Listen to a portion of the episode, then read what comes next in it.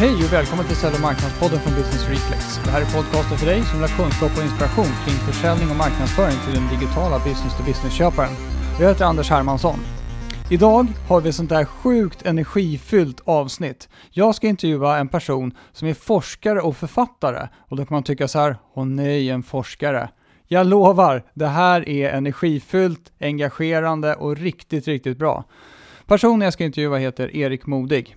Eller rättare sagt, jag har redan intervjuat honom. Det är därför jag är så taggad i det här introt. Eh, Erik och jag pratar kring hans nya bok som heter Bang for the Buck.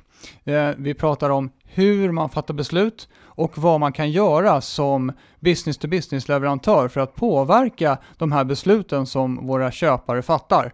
Det är ju någonting som är väldigt viktigt för oss alla och speciellt marknadsförarna naturligtvis. Vi pratar också om marknadsförarens och säljarens roll i det här nya digitala samhället där man kan fatta beslut på basis av väldigt mycket digital information men även andra saker som är väldigt mycket mer mänskligt. I och med det vill jag bara lämna över till intervjun med Erik Modig. Erik Modig, välkommen till Sälj och marknadspodden. Tack så jättemycket. Kul att du kunde komma förbi. Ja, fantastiskt kul att faktiskt få komma förbi. ja, det, det tycker jag. Det är du värd. ja, vad, ja, jag känner faktiskt också det. Ja. I och med att jag är här för att jag har skrivit en bok. Och alla som har skrivit en bok är värd väldigt mycket. Så är det. Ja, jag brukar Det- säga att eh, jag skulle inte önska min värsta fiende att gå igenom processen att skriva en bok. Nej, jag har tänkt skriva en bok. Ja, Det gör kom- inte det. Jag, det har gjort ont bara att tänka på saker. Ja, ja, men det gör extremt ont, för bok är på något sätt så här. Eh, när du tror att du är klar så är du halvvägs. Eh, och sen när du tror att du är klar nästa gång så har kommit 70%. Och sen är det bara ren och skär ångest. Och sen det som man väl har skrivit, det står ju där sen. Och det Exakt. måste man ju stå för, något rent brutalt. Ja, och du kan inte ändra så Nej. mycket. Och, men det är också det som är det här just problemet när du skriver, det är att det blir så svart på vitt. Så även om du har liksom haft en praxis, en jargong, någonting du har sagt, några sanningar som du har kört presentationer eller något sånt där. När du väl får ner det på papper så börjar du undra, hmm, Ja. är det här egentligen sanningen? Nu kan ju någon kolla upp det här Exakt. och helt plötsligt så måste man på något sätt gå tillbaka och verkligen väldigt tydligt granska sina egna tankar och det är Precis. lite jobbigt. Det här är mitt legacy. Ja, Det här exakt. kommer mina barn kunna se. Exakt. Jag hörde faktiskt dock eh, en väldigt fin komplimang här på min senaste release då, för det här var ju fjärde boken jag släppte, och då var det en som sa Men Erik, din framgång bygger ju på att du släpper saker som inte är perfekta. Och jag tror att det är någonting som man kan tänka nästan om alla, i alla fall fattare, att, att liksom en bok kan inte bli perfekt. Nej. Framförallt inte någon typ av kunskapsbok som har på något sätt en ambition att uttala sig om, om hjärnan eller processer. Det, det går inte att göra det perfekt. Och, och då blir det så här, en bra bok det är en icke-perfekt bok. Ja. För annan, de är perfekta böckerna, de sitter kvar till folks huvuden. Ja, just det. Och de, antagligen så behandlar de väl historien. Om man dessutom ska försöka tillämpa saker och föreslå hur saker tillämpas i nuläget, det kan jag tänka, det är ju väldigt snabbrörligt där då. Exakt, så det är väldigt, väldigt svårt. Men Erik, först då, hur kommer det sig att du skriver böcker? Vem är du? Jag är, eh, som jag heter Erik Modig eh, och är forskare på Handelshögskolan i Stockholm och har de senaste tio åren eh, spenderat all min eh, yrkestid och även ganska mycket av min, min fritid på att försöka förstå varför fattar vi de besluten vi gör och vad är det som influerar dem. Och i och med att jag sitter på en handelshögskola så har jag då framförallt fokuserat på just varför kunder tar de besluten som de gör och hur olika typer av marknadskommunikation och marknadsföring olika produkter och varumärken och företag influerar varför vi tar olika typer av beslut. Ja, vet du vad, det känns inte som att det finns någon bättre positionering inför att vara med i Sälj och marknadspodden. Ja men det är ju helt Det är fantastiskt. bra. Mm. För vi försöker ju eh, reda ut olika begrepp här och eh, försöka få folk att fatta vad de ska kunna göra åt saken i, i verkligheten och i vardagen. Och jag har ju eh, inte läst från pärm till pärm men bläddrat igenom intensivt din senaste bok. Och den är ju proppfull med, med faktiskt praktiska tillämpbara saker. Ja, min förra bok eh, så fick jag omdömet jag läste den två gånger, men jag, först- jag tror jag förstår. Och det, då tänkte jag så här, den är nog inte så praktisk eh, relevant den här boken. Den är lite svår, man var tvungen att vara en extrem kommunikationsnörd, och jag hade inte riktigt så här eh, förvandlat in till praktiska tips. Så i den här boken så är det mycket lättare, Ja. den är mycket enklare att förstå. Och eh, jag har också gjort väldigt mycket mer punktlistor och, och, och så här utdrag. Det här är de praktiska tipsen som man ska ta tag i. Just det. Ja, men det jag gillar det verkligen. Så det, det, var, det var bra, bra för mig och jag tror det är bra för väldigt många andra också. Eh, när vi pratar om, eh, vi försöker alltid dra, dra liksom en, en, en lans för marknadsföringen här. Och vi, vi riktar oss ut till business to business och jag har alltid också varit eh, eh, lite avundsjuk på business to consumer marknadsförare, för där är det liksom styrelsebeslut när man ska dra igång nya kampanjen. Medan business to business marknadsföring har alltid varit lite så ja ja, du är ett callcenter, kan vi göra om lite mindre vore det bra. Eller så är det, jag brukar säga att det finns en enda KPI för business to business marknadsförare i vdns ögon. Händer det grejer? Jajamän, det händer grejer. Exakt. Bra. Och så, gör gärna Hur två. många har vi ringt i morses? Ja, precis. Mm. Så, att det, så att jag tänker så här, hur, hur ska man se på, utifrån, utifrån dina studier och din forskning, så här, hur ska vi se på marknadsföring kontra försäljning eller tillsammans med försäljningen och business to business? Eh, för det första skulle jag säga att, att, att B2B och B2C börjar röra sig ganska mycket mot varandra. Mm. Eh, B2C på grund av, av liksom digitaliseringen och möjligheten att verkligen customize. Så vi ser fler och fler system där man liksom riktar sig till enskilda beslutsfattare även inom konsumentmarknadsföring. Alla ska få sitt skräddarsydda. Och B2B börjar också röra sig åt det hållet, eh, varierar såklart lite från, från från bransch till bransch, men man börjar bli mer, inser i mycket högre utsträckning vikten av, av marknadsföring, för man ser då att de här bolagen att det är mycket fler beslutsfattare som man faktiskt påverkar. Det är inte bara en inköpare. Även om den personen gör ett köp så handlar det väldigt mycket om vad alla anställda på det här bolaget tycker och andra anställda. Så man börjar inse vikten av att bygga upp de här relationerna och det visar också en hel del studier att liksom vad anställda sen tycker om vilka bolag de jobbar med börjar bli viktigare och viktigare. Just det. Många, Eh. många fler kan ha ett säg i en fråga. För, för Exakt, och framförallt då, vi har ju det klassiska nu van Damme-exemplet, vi säljer lastbilar Ja. till olika typer av, av transportfirmor. Mm. Och där såg man ju hur viktigt då, i en förstudie, vad tycker lastbilsförarna? Just som då det. kanske ska köra en bil. Ja. Vad tycker de då om det? Även om de inte sitter på inköpsavdelningen så är det ändå så de som ska, de påverkar. Och de i sen, sin tur påverkades, vad tycker deras vänner, vad tycker deras kollegor, vad tycker deras familj Mm. om vilken lastbil de kör? Just det. Och om de då får en lastbil som då kanske kommer från en leverantör som har högre status, större anseende, eller som bara de här andra personerna vet om. Ja. För det är ju jättemycket företag vi inte känner till, men om vi då känner till något, om det är något varumärke även inom B2B som har byggt upp ett varumärke, så kan man just få den här stoltheten Mm. av att man interagerar med eh, de aktörerna. Så där ser vi också att det, det börjar bli mer och mer liksom varumärkestänk inom, inom B2B. Mm. Och, och, och eh, B2C sa du, det är mer där, man har ju alltid skräddarsytt lösningar med B2B, men inom B2C finns det nu möjlighet att göra det ekonomiskt. till tillräckligt många Ja, liksom. Du bygger upp eh, olika typer av digitala plattformar med machine learning och gör olika varianter som riktas in mot varje enskild person och du får ditt namn i, i, i rubriken och den läser av samtidigt vad du har köpt tidigare och skräddarsyr. Det här kan man då nästan göra ner på individnivå nu. Så, så B2C lär sig ganska mycket av liksom B2B idag. Mm. Och jag tänker att det finns så mycket inom B2B att lära sig av B2C också. Definitivt, Mm. definitivt. Och, Mm.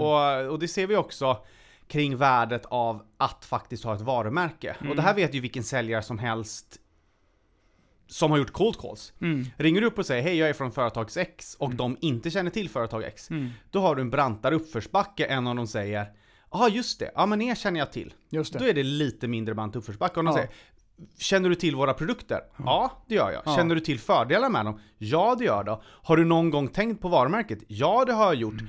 Kanske är det till och med så att det känns bra att tänka på det här varumärket? Ja, det har jag gjort. Ja, Mm. då börjar du helt enkelt få nedförsbacke helt plötsligt i de där säljsamtalen. Just det. Och det är ju där liksom jag brukar säga marknadsföring, Mm. det ändrar backen Mm. för vår säljkår.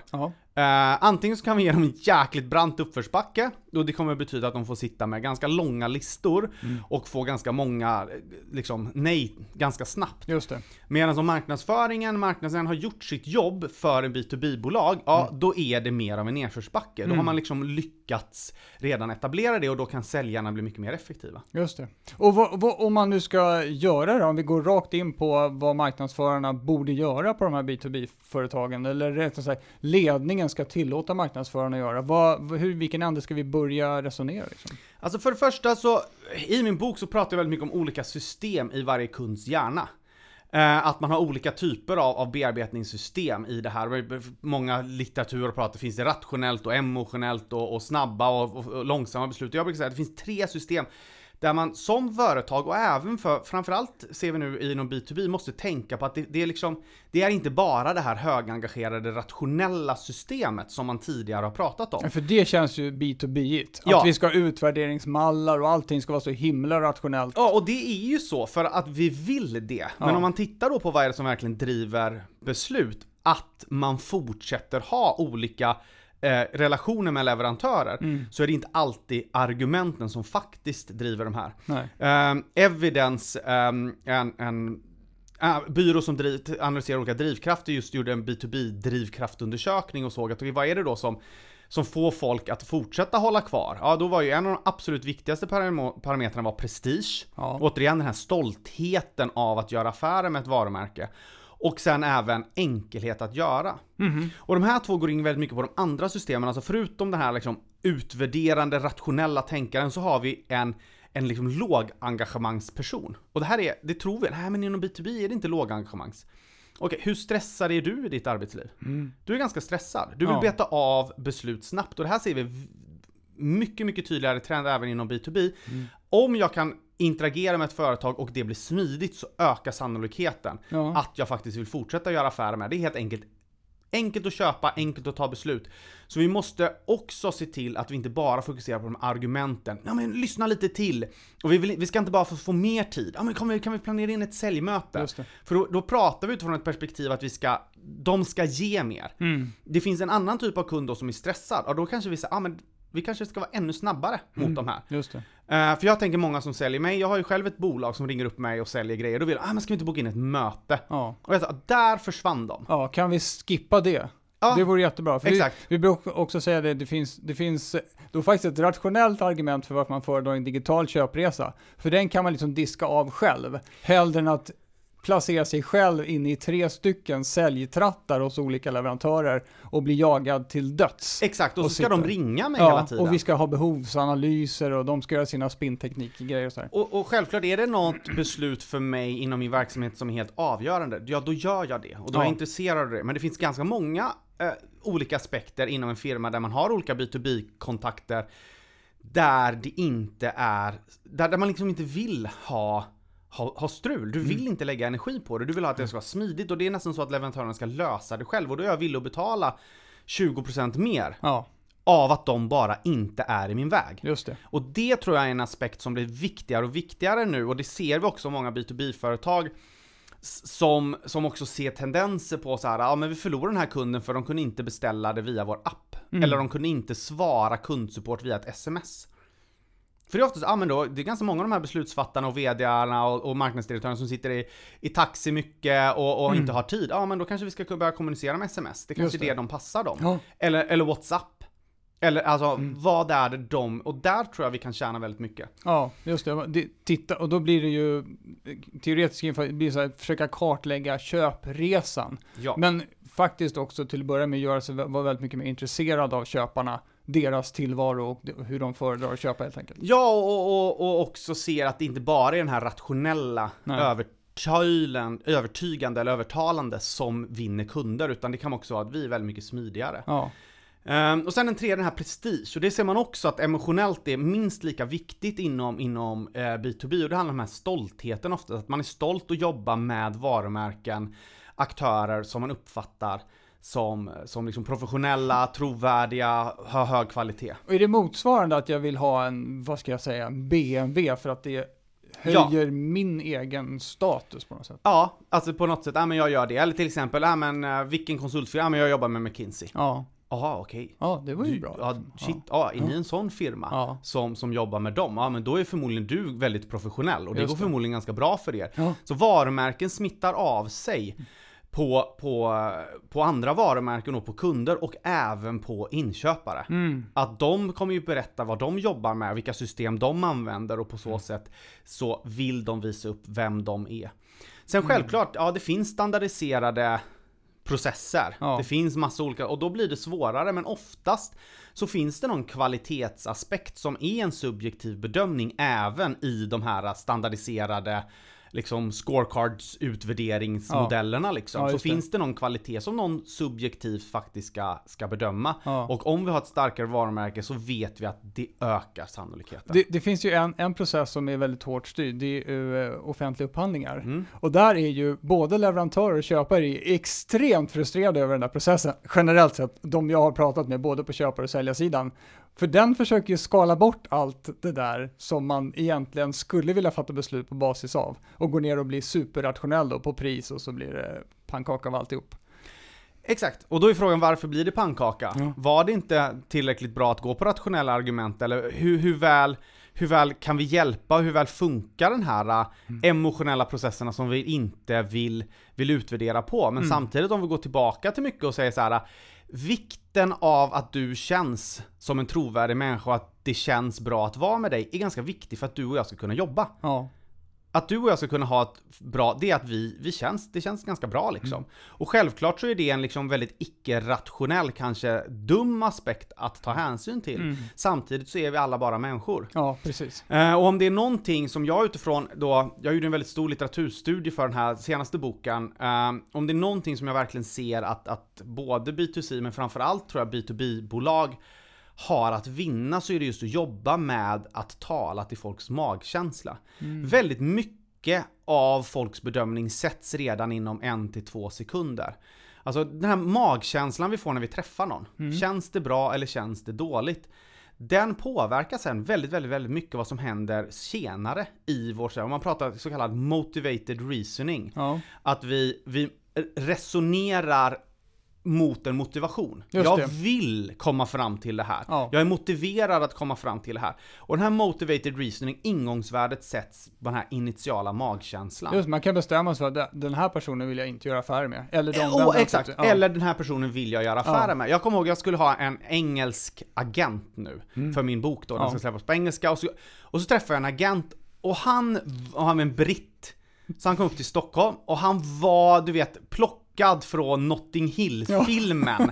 Och pratade så brittisk och gick i sin tweedkavaj. Ah, men du vet, det var liksom, och jag, jag bara så här, han kom bara in i mitt rum och jag bara jag blir en bättre människa av att ha honom som agent, för jag vill kunna bara visa foton på honom till alla och säga det här är min brittiska agent. Just det. Och nu har vi typ signat och jag har ingen aning vilka deals vi har och det är väl jättepuckat på ett sätt. Men, men och sen så hade han ju massa olika grejer och information och så, Ja. men, men just vikten Ja. av det, än om han hade kommit eh, och inte alls varit uppklädd. Nej, eller det. gått klädd på ett helt annat sätt, eller varit på ett helt sätt. Men han var verkligen liksom min bild av vilken typ av agent Ja, och jag vet inte hur medvetet han tänkte på det, men till exempel jag har ju börjat tänka väldigt medvetet när jag föreläser, Ja. hur jag går klädd. Mm. Eh, Och testar ganska mycket. Okej, ska jag ha kavaj? Vilken färg ska jag ha på skjortan? Mm. Vilken typ av skjorta? Vilken typ av skor? Vilka byxor ska jag ha? Och det här ser man ju direkt då kan påverka om du, återigen, hur brant uppförsbacke har jag när jag Mm. Just det. föreläser? Hur, eller har jag nedförsbacke? ja. För det är Eh. just när man hamnar fel initialt så är det ju ett otroligt jobb om, jag vet inte ens om det är möjligt. Men man måste ju, man måste ju då på något sätt ha fått väldigt mycket tid hos den här människan som man ska vända. Exakt. Jag var nere i Göteborg här faktiskt förra hösten, och jag är ju från Göteborg. Ja. Det är bara att jag har bott i Stockholm i 17 år, så att jag pratar ju inte så mycket göteborgska. Men det, kom, det kommer efter ett tag. Ja, Ja, fast jag var nere i Göteborg, det tar ungefär två timmar, och jag var nere och pratade i Göteborg, och så, uh, äh, jag fick lite uppförsbackar, i alla fall mot vissa så här, riktiga, riktiga helylle göteborgare. ja. Och sen efter två timmar så började ju min göteborgska komma tillbaka, och i paus så kom ju en, en, en, en, en gubbe fram och sa Du, det var jävla gött att du började prata göteborgska där, annars hade jag gött i paus! Eh, och det var ju den här liksom, ah, ja. Då spelar det ingen roll hur mycket man har forskat, hur mycket Nej belägg exakt, man har. Nej. så länge du inte snackar göteborgska då går vi. Nej. Och, och det får man ju vara medveten Ja. om. Och det här varierar ju från bolag till bolag. Mm. Och från säljare till säljare, hur mycket spelar det här in? Men det viktiga som man också måste tänka på, man har samma process när man bedömer varumärken, produkter, marknadskommunikation, Mm. reklam, produktfoldrar. Mm. När du tar upp en produktfolder i din näve så tar din emotionella in hur tung var Mm. produktfoldern? Vilken kvalitet var det på pappret? Vilket font har det? Hur fint Mm. är det här tryckt? Och där gör vi en, en så kallad konceptualisering där vi börjar vår tidiga kategorisering. Vad är det här för bolag? Mm. Och här kan man då se att, att, att bolag som gör då finare produkter kan helt plötsligt ta ut högre betalning för att produktinformationen vägde mer. Det är ingen slump då att asken till iPhone väger så mycket. Nej, För det ökar betalningsviljan och på samma sätt kan man se har vi en snyggare förpackning, så det första man öppnar, eller vad det nu är. Mm. Ehm, hur går vi klädda? Men framför allt just de här jag kan förvånas ibland över att liksom B2B-företag inte lägger ner mer energi på en hel del liksom Ja, trycksaker. för, för, precis, för vi har ju alla Apple som ett så tydligt exempel. Ja. De är duktiga och vi har väl typ alla köpt någon jäkla Apple-pryl. Mm. Men, men eh, just det, vad är B2B-företaget så att säga förpackning? Nej men det kan, ju, det kan ju vara, oavsett saker du skickar dit, att det är fint förpackat eller att det kommer, att det är en smidig leverans eller vad du är. Eller så kan det ju vara kläder när Ja. du träffar folk. Just det. Jag träffade ett stort byggbolag här som inte tänkte igenom hur de var klädda beroende på vilken uppköpare de hade. Mm. Eh, Och så då att- blir det göteborgskan eh, så att säga, eller Ja. uppförsbacke, nedförsbacke. Du vet, det är chans. Du Ja. lämnar det till slumpen. Ja. Okej, fick vi uppförsbacke eller nedförsbacke nu? Mm. Medans då man mycket tydligare tar tag i det där och mer systematiskt tänker. Mm. Okej, vilket kön är det på personen? Ja. Det kan påverka. Ja. Vilken typ av person är det? Mm. Eh, hur ska vi i så fall vara för att faktiskt anpassa oss till det här? Mm. Och det här är inget nytt. Det här gör ju alla säljare och alla människor intuitivt. Mm. Men jag tror att man mer kan systematiskt jobba med det i liksom större organisationer. Ja. Och man kan också jobba mer också med det grafiska materialet och olika sådana saker. Mm. Hur man jobbar eller hur, hur mailen ser ut. Jag, ibland när jag interagerar med olika bolag så skickar de över mail och så ser det bara liksom kass ut. Och Ja. så här, ja, eller så ser det så här säljigt standardiserat ut. Mm. Eh, och då känner jag också så här, men då är det fel, för det är inte bara att det behöver se ut på ett visst sätt. Nej. Till exempel, till min konferens som jag anordnade, och det var B2B-sälj, Mm. då sa jag så här, ja men ska du inte använda då någon sån här standardiserad mail-service Just liksom? Ja. Så är vi 2000 mail vi Ja. ska skicka. Ja. Eh, ja, vi kommer tjäna tid på att ha en standardiserad, men Ja. de kommer se att det är standardiserat. Ja. Vi skriver för hand, Ja, varje mail. Självklart var det standardiserad text, men det var ändå, det såg ut som om någon hade skrivit det. Ehm, vi använde inte de här prototyperna och, och de här standardiserade grejerna, för att då kommer det här säljmailet med liksom toppbanner och sen är det kolumner och sen är det snygga. Och då är jag så här, "Ah, men det där, de har bara slängt in mig i sitt system. Ja. Och den känslan av att bli en del av systemet, den kan vara liksom eh, lika farlig också. Mm. Så ibland så är det nog viktigt att bara skriva liksom riktiga mail, Ja. eller riktiga, riktiga eh, Var liksom ärlig som avsändare. Ja, exakt. Jag kommer ihåg min, min morfar eh, jobbade en del med, med eh, Ikea långt, långt, långt tidigare. Eh, nu är han väldigt gammal, men, men liksom långt, långt tidigare så, så kom han i kontakt med Ingvar Kamprad. Mhm. Och Ingvar Kamprad skriver fortfarande, nu vet jag inte om det är han som gör det, men han skriver brev, julbrev till alla för hand. Mm. Hej Erik. Just det. Jag hoppas allt är bra med dig. För hand på ett vanligt collegepapper Ja. och skriver under med vanlig bläckpenna. Ja, och så postar han dem till jul. Och det gjorde han liksom 20-30 år efter. Ja. Mm. Det, den signalen. Just det. Och, och det kan jag känna att, och, och det är självklart svårt det här att hinna med. Mm. Man vill standardisera och göra olika saker, och framförallt nu när det finns så mycket teknologi. Ja. Men ibland så kan det finnas en vits med att bara liksom... Var går brytpunkten jag för? När man, nu, är vi jätte, nu är vi jätteeffektiva. Det finns väl på engelskan efficiency och, Ja. och effective. Alltså, var Exakt. någonstans försvinner effekten helt och hållet? För nu är vi supereffektiva men det är bara... Ja exakt, nu får vi ut 3000 Ja. mail. Ja jo men det kanske var viktigt att skicka två eller tre mail som var väldigt effektfulla. Precis. eh, på det sättet. Ja. Och, och där tror jag just det här eh, att man ska tänka över lite de här första en, två sekunderna i alla interaktioner. Mm. Tänk på hur går vi klädda, hur beter vi oss? Eh, och självklart så kan folk säga, ja men vi kan inte ändra våra personligheter. Nej men då kan vi matcha vissa säljare med vissa personer. Mm. Just där det. vi vet att de funkar bäst. Ja. För vi vill inte att folk ska bli falska. Nej, Du kan ju inte göra dig på ett visst sätt Nej. trovärdigt. De bästa säljarna kan väl göra det. Mm. Jag kommer ihåg eh, en av mina favoritfilmer i den här um, Catch Me If You Can. Okej, ja. Eh, och har du sett extra materialet till den här, det är den här bluffmakaren som, som sen började jobba på FBI. Ja. Där Leonardo DiCaprio och Tom Hanks spelar sen i filmen och i extra materialet där så är det en intervju med Leonardo DiCaprio. Aha. Och det var när han träffade då Frank Abagnale som är då den riktiga ja. förebilden. Så sa han så här, men du hur gör du? Hur gör du det här att folk bara följer med och litar på dig? Han bara, nej men jag gör inget speciellt. Mm. "Ja, Men du gör inget speciellt? Nej, jag, jag bara är liksom. Okej, ja men vi, jag måste se dig. Så liksom Leonardo fick klä på sig, så han, okej vi ska åka till en bensinmack. Och så ska du få tanka gratis och sen åka därifrån. Han bara, ja, vi kör.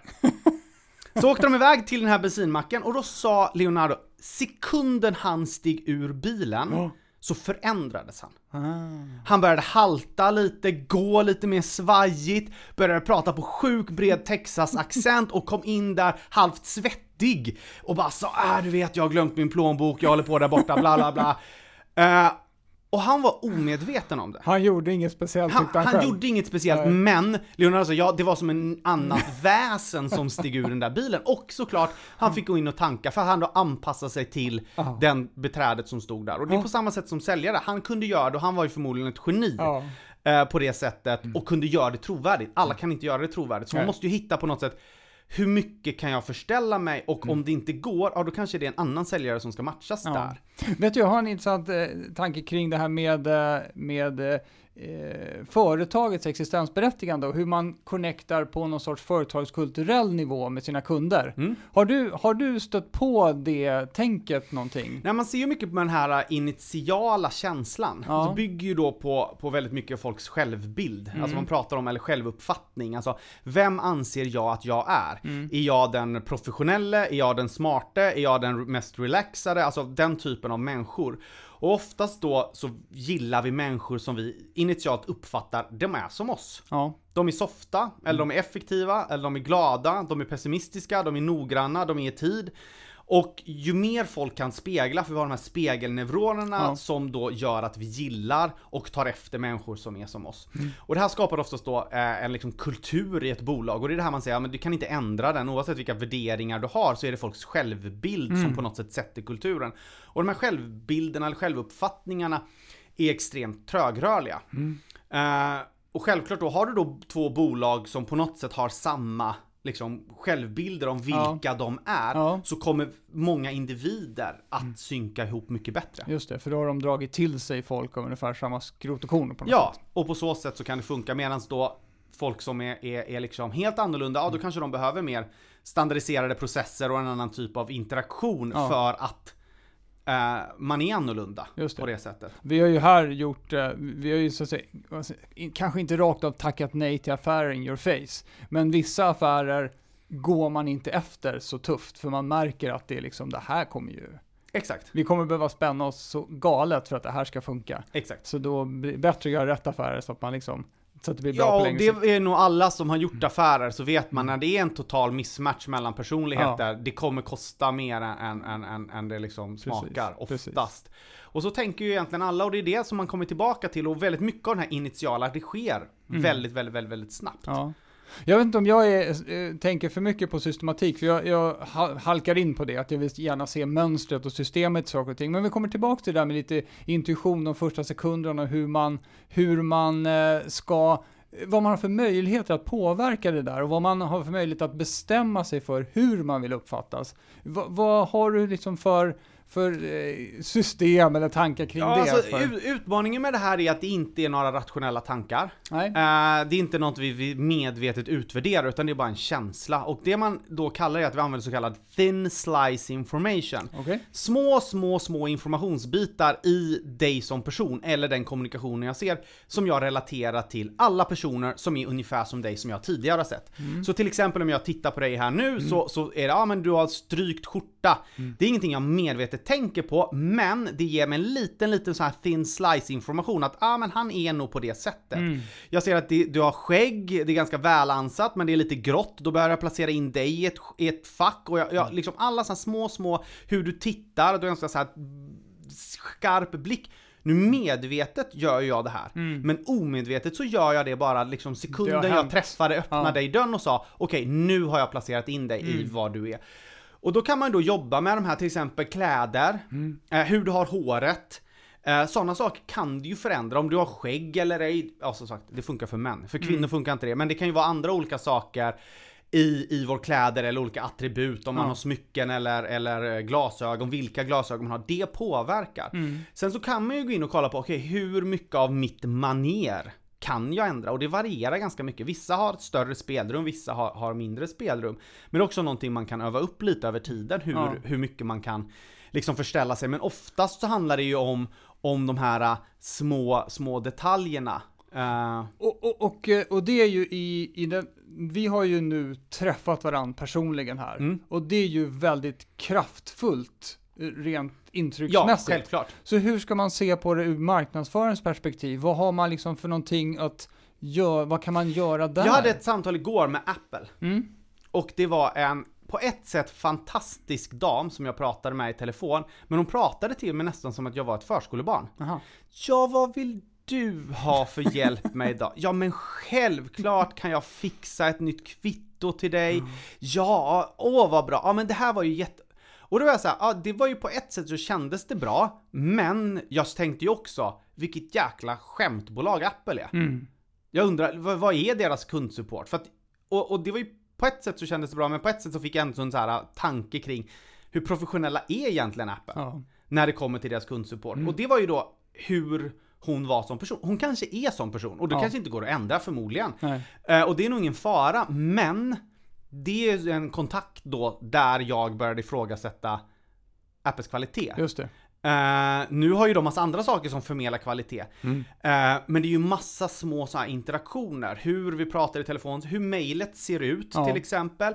Hur våra trycksaker ser ut, vad våra trycksaker väger, hur produktförpackningarna ser ut. Mm. Och till exempel, ah, men det spelar ingen roll hur en produktförpackning ser ut. Ja, om vi ser idag så är det ju fler och fler, det här ser vi framförallt inom konsument, men jag tror det kommer komma inom B2B. Ja. Att även om du ska leverera den här äh, avloppspumpen Mm. som du trycker ner i någon standardiserad låda. Ja.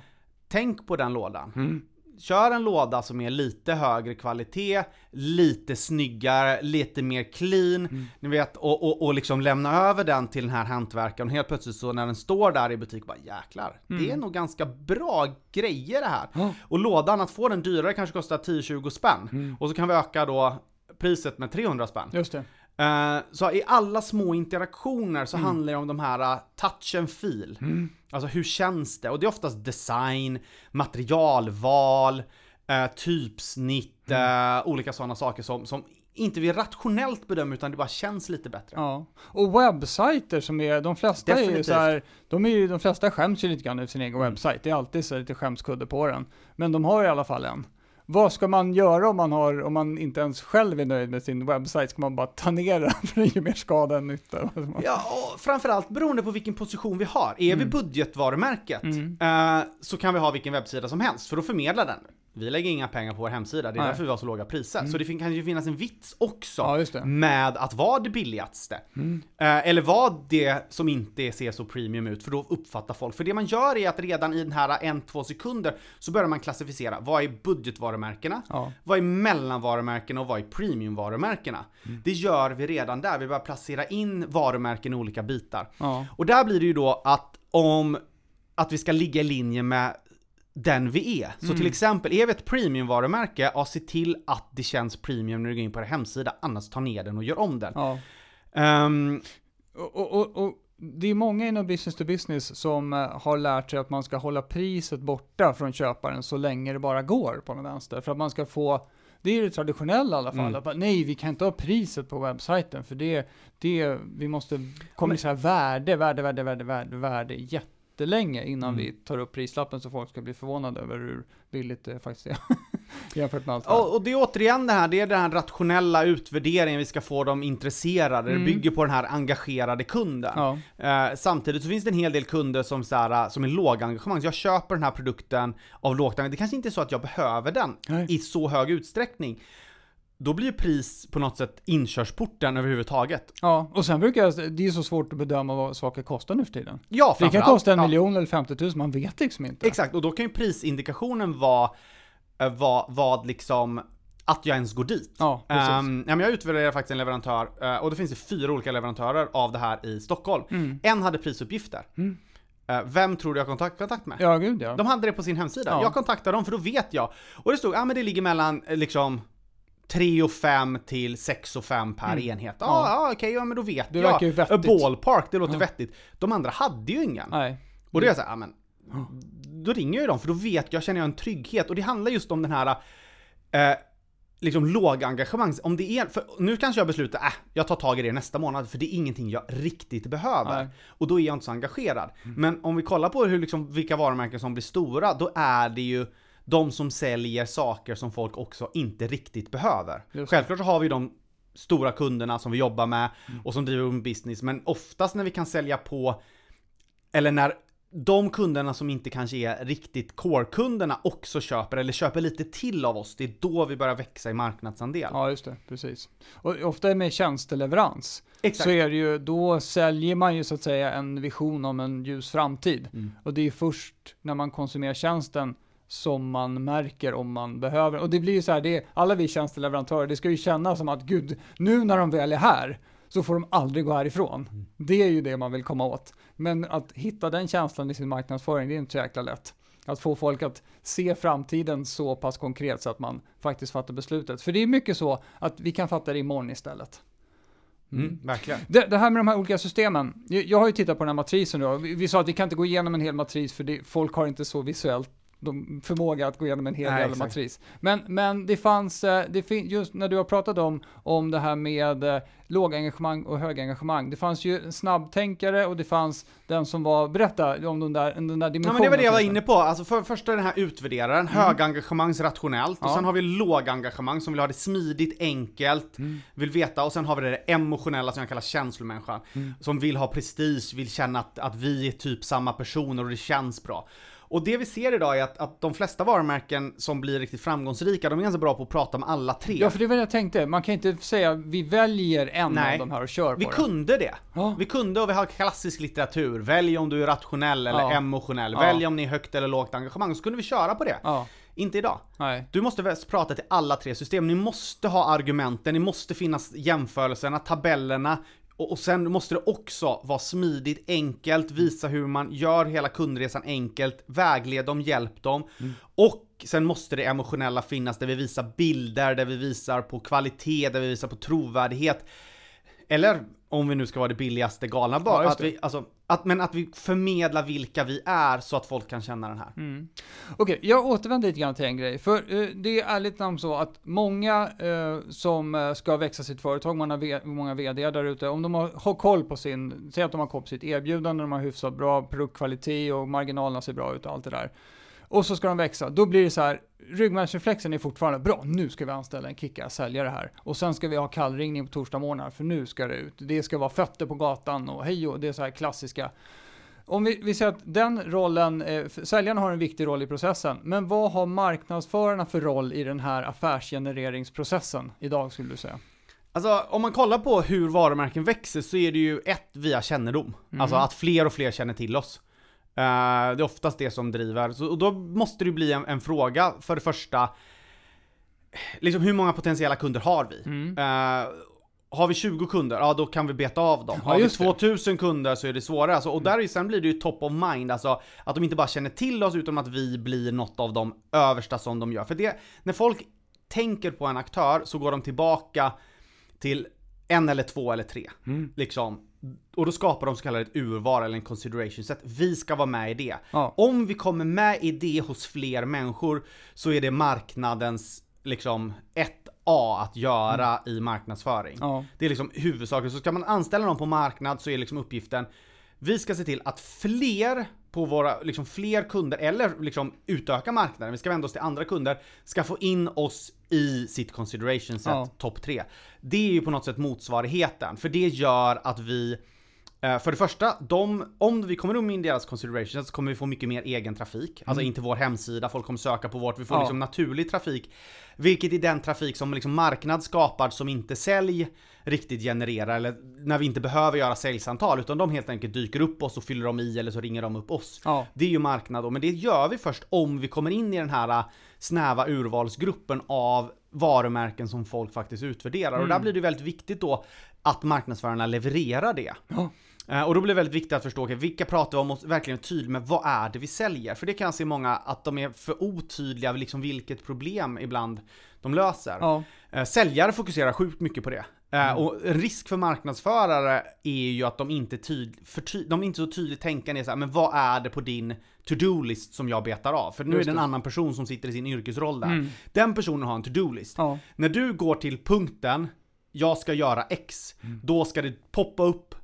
Ett consideration set kunna- ja. i ditt huvud Ja, och det. där ska vi vara med. Ja. Och då handlar det om att liksom mata in det med olika typer av marknadsföring, olika typer av kommunikation så att det automatiskt kommer där, för då kommer vi få en helt egen liksom, det, borde de kunna hjälpa till med. Det är, man dyker liksom upp i, i bubblan om möjliga, möjliga leverantörer helt enkelt. Exakt, och Mm. då, eh, då tävlar vi inte på, mot andra säljare för då kanske de redan har valt oss. Och Ja. det vi vill blir ju så kallad top of mind, vi vill Just det. bli den översta som de går och kontaktar Ja. innan de kontaktar en annan.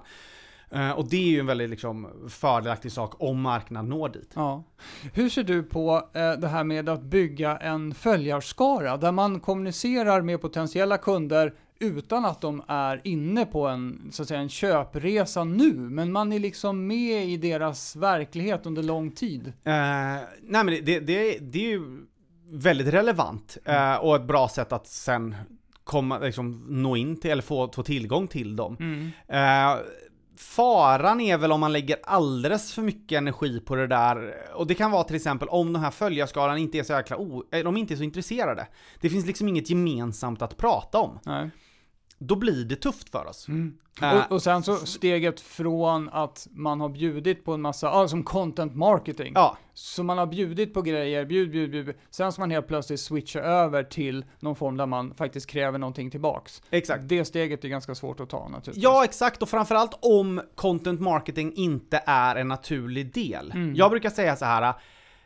Vad finns det för nörderiintressen med era produkter hos era kunder och har ni någon på ert företag som kan det där bäst av allt? Mm. Och om, då skriv om det nörderiet och låt den största nörden på företaget skriva om det. Mm. Eh, för att så att ni hittar ett naturlig connection Ja. mellan era produkter och det. Att, att, att säga, ja men nu ska vi göra content och så skriver vi om saker som liksom inte har så mycket med vår business att göra. Ja, det blir, det blir det kan funka, men det blir väldigt kostnadsineffektivt Ja. för vi måste anställa, vi måste anställa en journalist eller någon att göra det här. Mm. Medan den bästa contentet tycker jag är så här. äh, nu går vi till vår ledande ingenjör eller vår chef för R&D och så intervjuar vi den personen 45 minuter. Ja. Och vi vet att vi är ledande för det här.